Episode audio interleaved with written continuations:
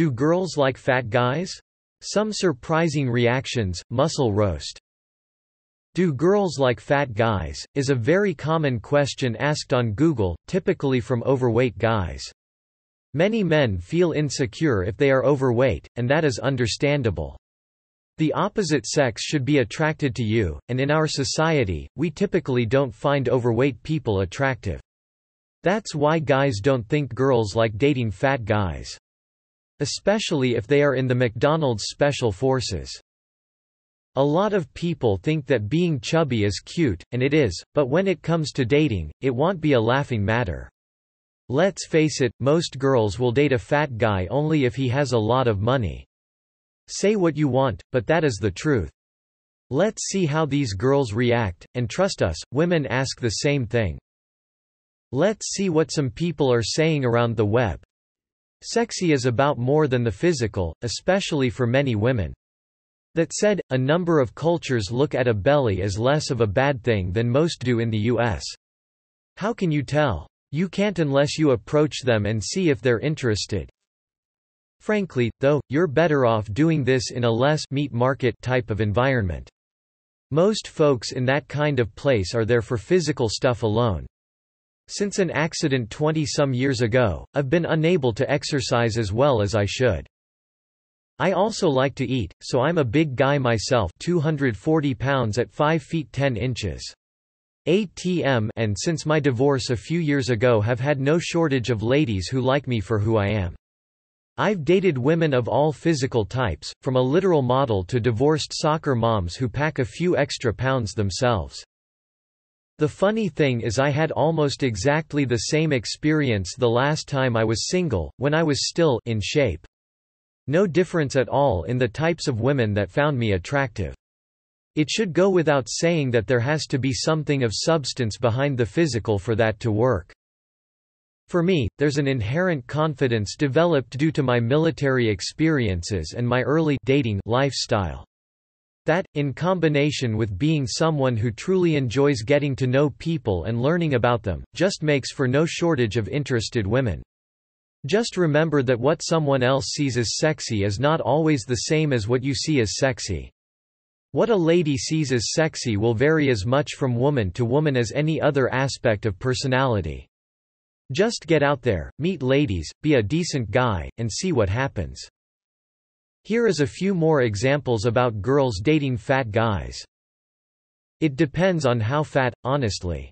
A past boyfriend was definitely on the heavy side, and I found him amazingly sexy. He had a belly, but also had nice arms and great legs and took care of his appearance. He'd always been heavy, and was just one of those people with a really slow metabolism. Men with boobs bigger than mine, and bellies that hang over their pants so far that you can see them poking out of their shirts. I just, no. Just accept that everyone is allowed to have their own standards, and in our society being overweight is mostly looked down upon. If you consistently seek out supermodel gorgeous women, you're honestly not going to have much luck more than likely. And here is our favorite response. I don't necessarily have a type, and I'm not lying when I say that. My husband and my two exes have absolutely nothing in common re, interests and appearance. That being said, I'll be absolutely honest when I say that an overweight guy soft in the middle, might only need to tone up a little bit to go from overweight to not overweight wouldn't be a turn off. But that's really my limit. I'm pretty much blanking out on celebrities right now, so this is the only example that I can come up with. But I can say in all honestly that I'd never be attracted to Chris Farley or somebody with his body type. Personality is huge though. My husband could never be a David Beckham body double, but I'm still very much attracted to him. He looks like Blake Shelton, but with a goatee and about 5 inches shorter. He's got a little belly, but it's not spilling over his pants.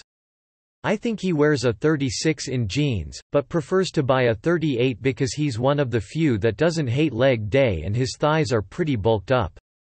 He looks best at 210 to 215, which I think is where he's at now. I've seen pics of him at 180 and he looked way too skinny. He's got broad shoulders and he need a little extra weight to balance him out. We've been together for nine years and I was instantly attracted to him when we met. It was all personality. Finding him physically attractive was just a bonus. We met on Facebook, back when you needed a college email to log in and we talking on AIM before school started. I can't believe that's already an old person story. Ah. Uh, our personalities were basically a perfect match and we have the same sense of humor. My advice? Get out of the sad bar. Seriously. All you're gonna do there is end up looking like you're just giving up. Don't just sit there and humor conversations with girls who only stick around for the free drinks. Are there any bars around you that have karaoke nights? Find one that has a popular show, round up some friends preferably a mix of guys and girls. The girls might be able to offer some good in the moment advice. I bullshit with so many people when we go out for karaoke. Most people are relaxed liquid courage so they can sing and having a good time. I'm can't remember if you mentioned having trouble starting conversation or not. I used to be so awkward and would just end up sounding crazy, so I started forcing myself to make relevant small talk with cashiers. Nothing that would take them away from their jobs, but enough so our transaction wasn't uncomfortably silent. Example, I bought a pair of earrings and the girl ringing me out had an awesome tattoo. I asked her about it and we had a short conversation about our ink. Ask a question about a product like at Best Buy or find something to genuinely compliment and inquire about with the clerk. It'll make bar chit-chat less likely to be a bunch of generic statements punctuated by UMMS and UHHS.